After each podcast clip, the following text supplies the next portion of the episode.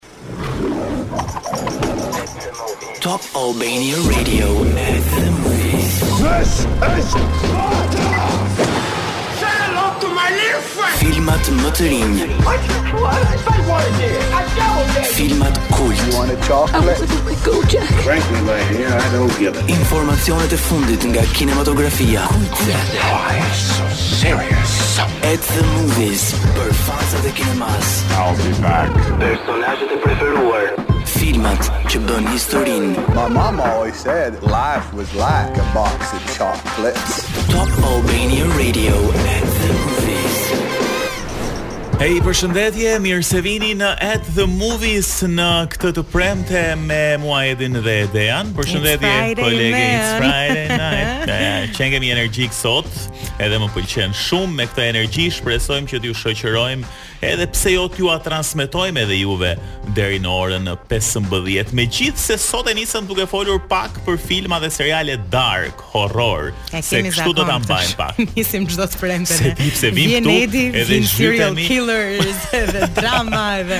Në fakt po flisnim edhe për një serial i cili duket se është i momentit tani në Netflix, Jeffrey Dahmer, Një histori e vërtetë në fakt që tregon uh, një vrasës serial i cili um, duket se ka shkaktuar më shumë sesa rreth 18 apo 20 mm -hmm. viktima në mos gaboj, të gjithë djem të rinj, shumë horror, shumë i frikshëm, ti më the që e nise, po nuk është se nuk e përfundova, kam parë diku te katër seritë e mhm, para. Mm -hmm, dhe nuk po është se që... më the që nuk ishte shumë shumë i frikshëm. Nuk jo, i frikshëm nuk ishte as pak,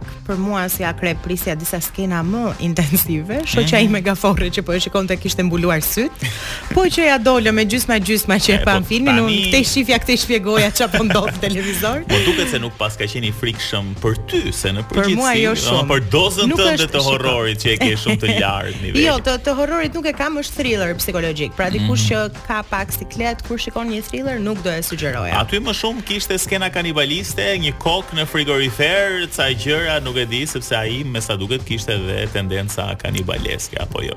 Është shumë i frikshëm, por um, gjëja më e mirë dhe më e bukur që më duket te ky serial është se është bazuar në një histori të vërtetë. Vrasësi ka ekzistuar dhe në fakt ai u vra në burg nga një jo vrasës, por nga një skizofren Sepse uh, ai kishte marrë vesh për bëmat e tij dhe një ditë i shkon në qeli dhe e vret. Domethënë e gjithë gjëja është shumë e bukur. E vet, po, me sa duket në burg. E gjithë gjëja është shumë e bukur edhe është seriali i momentit. Megjithatë, ne sigurisht kemi Cineplexin tonë dhe tre premierat që vijnë sot. Një film horror është i pari, jo më kot po flasim për një gjë të tillë. Halloween Ends, nuk e di nëse i ke, i ke parë këto të kaluarit janë shumë Halloween Ends dhe ky është i fundit, prandaj edhe titullohet, domethënë fundi i një sage, po themi kështu. Pasi pashë trailerin faktikisht direkt fillova të shikoja të parin bro. Po Michael jam... Myers është i famshëm me atë me atë fytyrën e tij të frikshme, maskën dhe është një personazh që vishet shumë, po themi në Halloween, që po na afron edhe Halloweeni tani në këtë tetor dhe ne s'kemi menduar asgjë se çfarë do veshim. Ose s'do veshim gjë fare. Amsterdam është një film tjetër që do vijë premierë në Cineplex me një super super super cast aktorësh si dhe një film shqiptar Legjenda e Bastunit që do flasim edhe në pjesën e dytë të programit uh, bashkë me një të ftuar shumë special Uh, kështu që kemi sot çfarë për të thënë pa fund, po e nisim me muzikë se folëm shumë mirë. Mirë, rikthehemi tani për të folur për Halloween Ends. Në fakt po shikoja për filmat me Michael Myers dhe janë shumë Halloween Kills, Halloween, um, Halloween Halloween është e para, Halloween Kills. Janë pa fund, ka edhe po themi um, që janë me të njëjtin titull thjesht Halloween dhe janë prodhuar në vite të ndryshme. Megjithatë janë shumë, uh, por uh, personazhi kryesor është uh, Michael Myers dhe Laurie, të cilët janë të dy gjithmonë po themi rivalë në këtë film dhe duket se rivalitetit i vjen fundi pikërisht te kjo seria Halloween Ends. Kam parë shumë në Instagram që është shpërndarë uh, ky film dhe duket se do të jetë po themi edhe një lloj uh, duke qenë se përfundoi kjo saga e Halloween me Michael Myers, kam përshtypjen që ka për të qenë edhe një lloj simboli i këtij Halloweeni, pra për nder të tij shumë njerëz pashë që uh, kishin menduar të vinin maskën e tij në mënyrë po themi si një tribut për Michael Myers, sepse siç duket Në këtë fund ai mbase nuk do të ekzistojë më. Edhe ka një fan bazë. Ai ka vdekur mbi 200 herë deri tani dhe rikthehet prapë, kupton, është nga këto personazhet që ti në fund mendon që ai zhduket, në fakt ti nuk e shikon. Ëm, uh, teksa ai vdes apo ndërron jetë, por tek Halloween i radhës Tak, shfaqet gjithmonë edhe normalisht fillon pastaj saga. Po me sa duket nuk do të ketë më një rikthim. Po u rikthye sërish. Atëherë s'do ketë më kurrë fund. nuk e di më pastaj.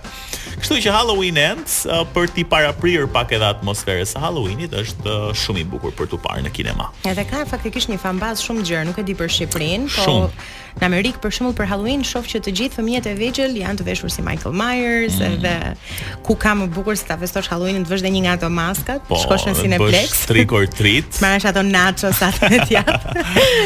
Aty uh, besoj do ketë në Cineplex dhe karamele dhe gjëra që do të jenë kështu për të bërë edhe këtë trick or treat. Mashite e dishkova që nisë. Edhe unë tash ishim. Tani që përmend po edhe këto të ëmbla, mos Fol, lutem. Mirë, mirë. E lëmë dhe kalojmë tek uh, tek një gjë tjetër e cila nuk hahet, po tymoset dhe gjendet në Amsterdam. Sa e zjarr. Um, nuk e di pse më erdhi kjo gjë ndërmend sapo përmenda Amsterdamin, sepse kështu titullohet edhe filmi i radhës.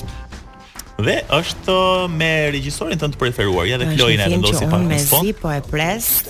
David O. Russell është Mbas Tim Burton, regjizori im i preferuar, mhm, ka luajtur, ka bë, ka bërë filma si American Hustle edhe Silver Linings Playbook, është nominuar pafundësisht herë për Oscar, fatkeqësisht Oscarat i kanë marrë vetëm protagonistët e filmit të tij. Por jo vetë ai. Por jo vetë ai, por Ka edhe këtë, që kur e dëgjon në trailer ka këtë stilin, domethënë të të veprimeve të shpejta, edhe edhe tek American Hustle është kjo gjë që direkt vetëm godet. Dhe gjëja më e bukur është që ai është gjithashtu skenaristi i gjithë filmave të veta. Pra është një regjisor i cili dhe i shkruan mm, dhe bën regjinë, pra çdo gjë është e bërë vetë, prandaj admirimi im këtu dyfishohet, do thoja. Kjo çdo gjë e bërë vetë, domethënë mund të thotë mirë bërë. si këto të bëra vetë BMW, Raki BMW. Po na zbulo pak më tepër tani për Amsterdamin, çfarë? Atëherë, unë mendoj që do jetë një nga filmat më të bukur të këtij viti, mm -hmm. jo vetëm për shkak David O. Russell që e thamë është regjisori im i preferuar, por faktikisht qershia mbi tortë është kasti. Edhe David O. Russell ka një tjetër karakteristikë që e mban gjithmonë statike në të gjithë filmat e tij që ka thuajse të njëjtët aktorë. Dhe në këtë rast është Christian Bale, i cili luan në thuajse të gjithë po. filmat e tij. Për herë të parë kemi dhe Margot Robbie dhe John David Washington, Të mhm. cilët janë Margot Robbie ne e njohim, John David Washington. John David është djali i Denzel Washington, mos gaboj, më duket se po, po. Po, por nuk e kisha parë më përpara në një, të them të drejtën, unë personalisht në një film. Jo, unë e kam parë tek Klansman nuk më vjen shumë titulli, në fakt u nominua dhe për Oscar, do ta gjej. Mm -hmm. uh, dhe kishte një performancë shumë të mirë uh, John David Washington aty, aty u pikas po themi. Për shkak se është zgjedhur me këtë kast, do thotë që normalisht ka pasur një performancë fantastike. Mm -hmm. Por një tjetër aktor që unë e dashuroj shumë dhe David O. Russell e ka në thuajse gjithë filmat e tij është Robert De Niro Oh, na u rikthye Në fakt që s'e kishim parë prej kohësh Robert De Niro Dhe ishte lënë si surprizë se, se është gjithmonë ka një rol të vogël Në të gjithë filmat e tij Po ai është është gjithmonë në një skenë shumë intensive. Po, pra, po. e dim që momenti më intensiv është momenti kur shfaqet Robert De Niro. Mm. Gjithashtu do jetë Chris Rock, Anya Taylor, Rami Malek, po do po. ishte gjithashtu. Zoe Saldana. Po, po, po, shumë, domethënë nuk kishte Taylor Swift që më bëri shumë përshtypje. Po, po, like, edhe okay. Anya Taylor Joy. Mhm. Mm uh, kasti ishte me të vërtetë shumë, shumë fantastik, nuk kishte aktor dytësor, aty të gjithë ishin kështu protagonistë edhe duket se Është një arsye më tepër pse filmi do rezultojë i suksesshëm. Por kishte edhe një plot shumë interesant. Mm -hmm. Ndiqte historinë e tre miqve, të cilët në 1930-ën akuzohen për një vrasje të cilën me sa kuptuam edhe nga traileri nuk e kanë kryer. Por le të themi që janë si ajo delja e sakrificës që fsheh një komplot shumë të madh nga mbrapa. Po në fakt dhe duket se Nuk është i bazuar totalisht në ngjarje të vërtetë, po ka ngjarje të vërteta, se sigurisht regjisori i ka shtuar pak fiction, po ama historia nuk është tërësisht e mhm. sajuar. Pra disa evente, po themi, ose ngjarje janë bazuar në histori të vërteta dhe kjo e bën filmin akoma më interesant. BlacKkKlansman titullohet filmi, që unë e kam parë në 2018-ën dhe është me John David Washington, është shumë i bukur në fakt. me Spike Lee, i cili është regjisor, mm. dhe um, uh, po themi John David Washington luan rolin e një agjenti i cili infil infiltrohet në një grup për të zbuluar. Duhet ta shikoni vetë, po shumë i bukur dhe doja të thoja në fund të kësaj që ky aktor është është shumë i mirë dhe premton shumë edhe duket se nuk e e ka përfshirë veten në shumë filma, pra bën rrallë, po ama filma interesante.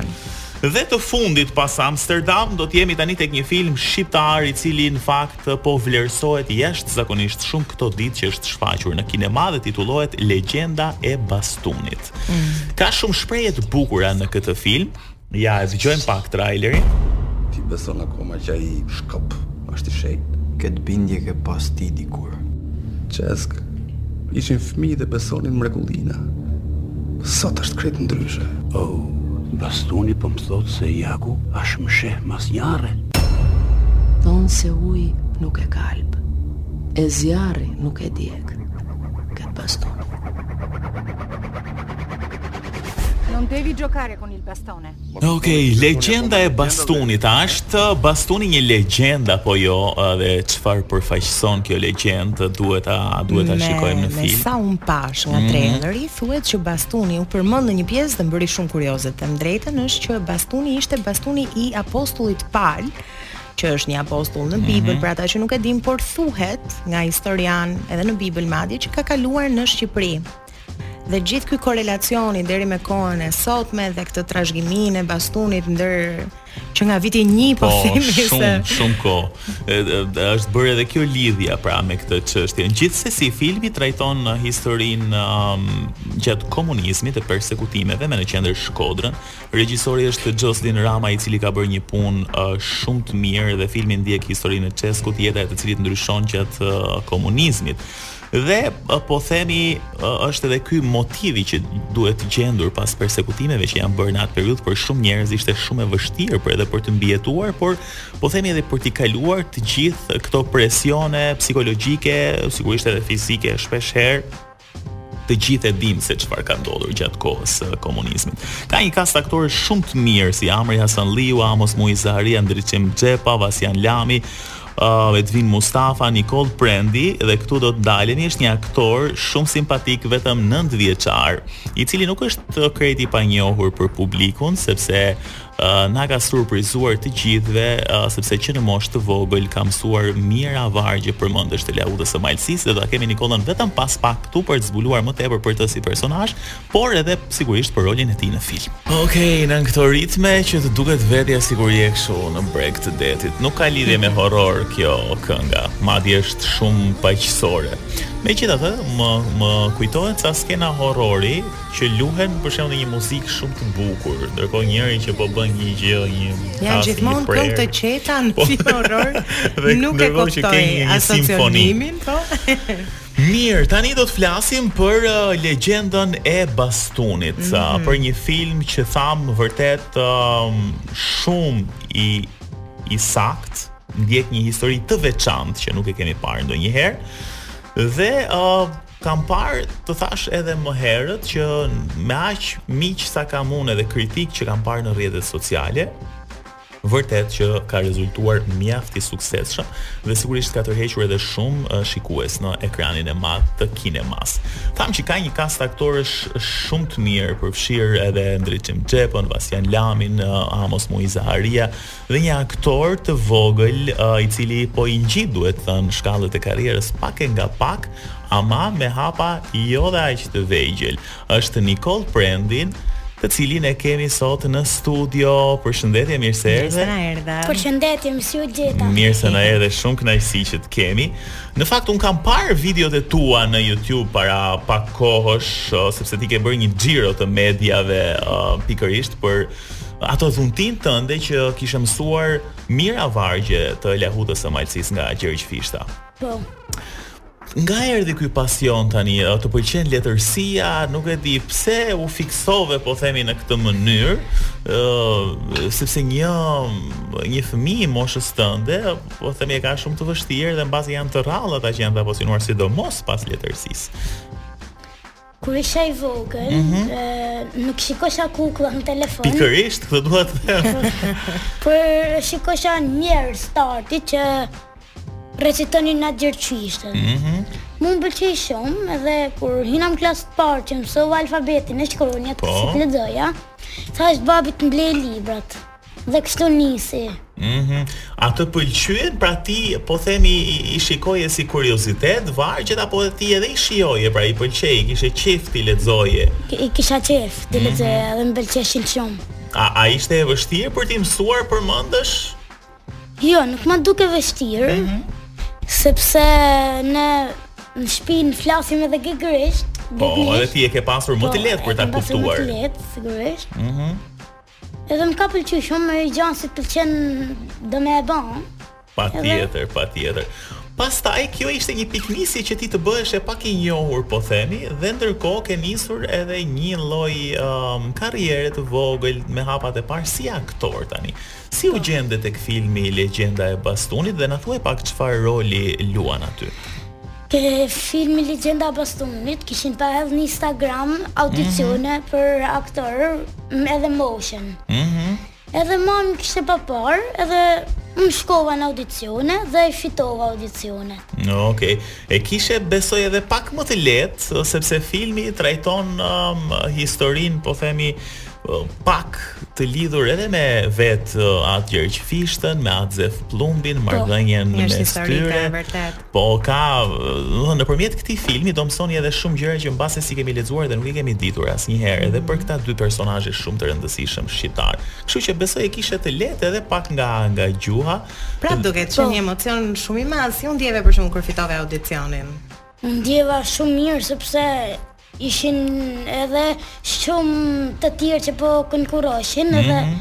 kur e fitova u habita se Jo, a kishte të tjerë, po themi që ishin nga uh, zona e veriut, pra po themi fëmijë të tjerë, nuk e di nëse arrite të flisje me dikë aty, apo... Pra kishte konkurrencë të fortë, duhet të. E, jo, nuk ka se kishte ndonjë fëmijë prej veriut, mm -hmm. ishin disa fëmijë Të tjerë normal. Mhm. Mm dhe Kishte se ishte në një, si me thanë, në i njohur. Po, po, e kuptoj. Të gjithë ishin pak a shumë, po themi, me eksperiencat e tyre të para në aktrim. Po. Tani, roli që luan tek legjenda e bastunit cili është? Unë jam një në fillim, unë jam një fëmijë mistrec, mm -hmm. që ngacmoj vëllain gjithmonë Çeskon. Mhm. Mm edhe kur të rritem unë bahem komunist, kurse vëllai bahet prift. Edhe ky tash del kundra. Jeni pak a shumë rivalë po, pasi rriteni apo jo? Edhe unë un, Punoj me ata të komunistit edhe vllai nuk do me bashkëpunu me me komunizmin. Edhe i tham un bashkëpuno, bashkëpuno sepse do të pushkatojnë. Mhm. Mm Po ti luan rolin, po themi tek pjesa e fëmijërisë apo jo po, rolin e vllait të vogël. Po. Pastaj e rolin mesatar që jam unë e luan Amos Zari. Po pra ti po themi luan personazhin fëmijë të Amosit që luan po. ai më pas. Si ishte të luaje me të rritur me profesionistë? Se ke ke qenë edhe krahas ndryshim. Dhe ke qenë i vetmi i po, vogël, si u ndjeve që ishe i vetmi fëmijë në set. A të respektuan ata të tjerët. po, po sigurisht. Isha ishte një nga eksperiencat më të bukura të mia. Mm -hmm. Të ishe përkrah aktorëve shumë të njohur, ishte shumë bukur. Edhe ato ishin shumë të komunikueshëm, shumë të. A të dha ndonjëri ndonjë këshillë apo të tha, mm, ndonjë gjë? A pate rast të bisedosh me me ndonjërin prej tyre? Po, kam patur rast të bisedoj. Mhm. Mm por jo që nuk nuk më kanë dhënë ndonjë këshillë. Po kam përshtypjen që ke qenë shumë i mirë aty në set dhe s'kanë pasur ç'të të shtojnë. Nuk sekretet e ti. sekretet e aktrimit. Po personazhi jot aty, fëmi mistrec që ngacmon vllajin, sa je ti në të vërtetë? A je ti një mistrec kështu në jetën e përditshme apo jo. je djalë i urtë? Jo, jo. A motra, motra ime. ah, okay. Mu gjashtë vjeç, a di ç'më bën? A si e di kur po përgatitesh për rolin, po futesh te këpucët e motrës po, tënde po. te këpucët. Po. Ndërkohë me aktrimin tani a ke ndërmend kjo kjo nuk ishte uh, eksperienca jote e parë si aktor jo. apo jo? ku ke ku ke marrë pjesë në gjë? Kam bërë dhe një film me Evi Gjonin, mm -hmm. ku unë jam një fëmijë me aftësi të ndryshme që nuk flas me familjen. Ah, a ishte e vështirë për ta bërë këtë rol? Sepse një njeri, domethënë një fëmi me aftësi ndryshe, kam përshtypjen që kjo do ketë qenë pak më e vështirë. Pak e vështirë ishte po, sepse ishte dhe filmi im i parë, mm. filmi është me metrazh të shkurtër, mm -hmm. ishte pak e vështirë, edhe në fund, vishin disa refugjatë, edhe unë flisja me ta. Edhe prindërit habiten. Mm.